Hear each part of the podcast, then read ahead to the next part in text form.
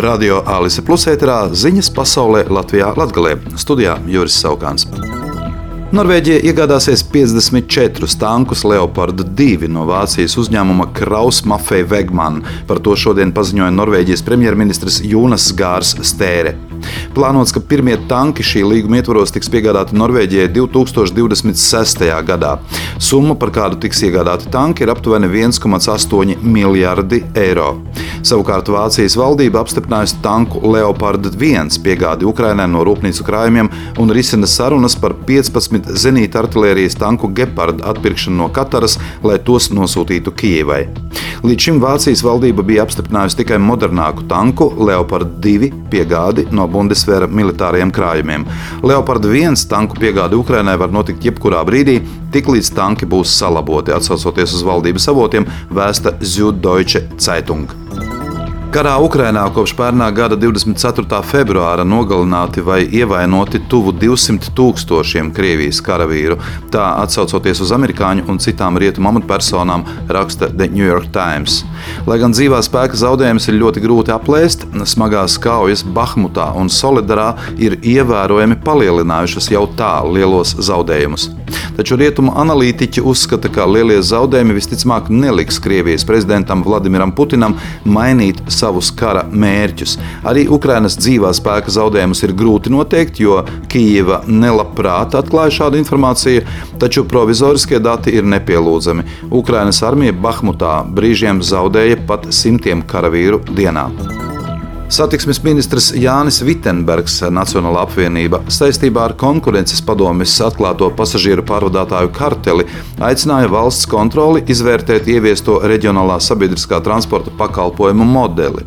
Vakar Vitsenbergs tikās ar valsts kontrolieri Rolandu Irkli un aicināja veikt izvērtējumu, vai no sabiedrības un valsts interešu viedokļa sabiedriskā transporta pakalpojumu nodrošināšanas modelis reģionālajos maršrutos ir ekonomisks un efektīvs kā arī to, vai no iesaistīto valsts institūciju un kapitāla sabiedrību puses iepirkums noritējis atbilstoši normatīvajiem aktiem un sabiedrības interesēm. Paustais uzskats ir, ka konkurences padomis atklātais pārvadātāju kartelis ir satricinājums visai nozarei.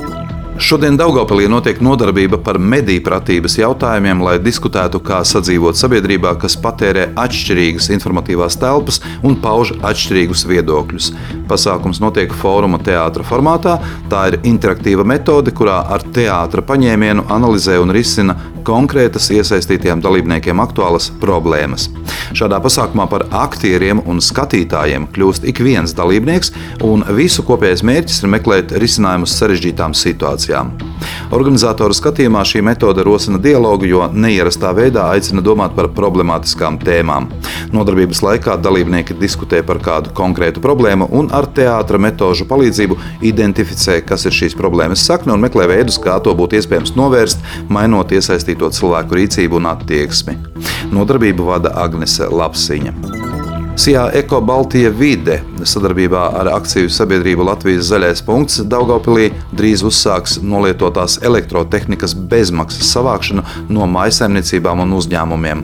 Varēs nodot gan lielo sadzīves tehniku, tajā skaitā leduskapjus, veļas mašīnas, plītis, trauku mazgājumās mašīnas, gan arī mazo tehniku, piemēram, mikroviļņu krāsnis, blenderus, elektriskos svārus, fēnus, virtuves kombainus un citas ierīces, kā arī papildus varēs kopā ar elektroniku nodot arī uzkrājumu uzkrātās baterijas un akumulatorus. Pieteikt elektroiekārtu savākšanu un izvešanu sākot no 50 kg varēs gan juridiskas, gan privātpersonas, zvanot pa tālruni 8717 vai rakstot uz e-pastu elektronika at ekobaltijavide.lv.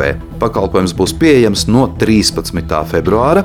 Eko Baltija vide uzsver, ka bezmaksas elektrotehnika tiks savākta tikai no ēkas pirmā stāva, tāpēc izvešanas dienā iekārtām ir jābūt novietotām ārpusē brīvi pieejamajā vietā.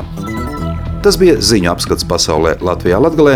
Pēc publikāciju materiāliem to sagatavoja Radio Alise Plus informācijas un ziņu dienests ar Sabiedrības integrācijas fonda atbalstu. Radio Alise Plus studijā bija Juris Saukāns.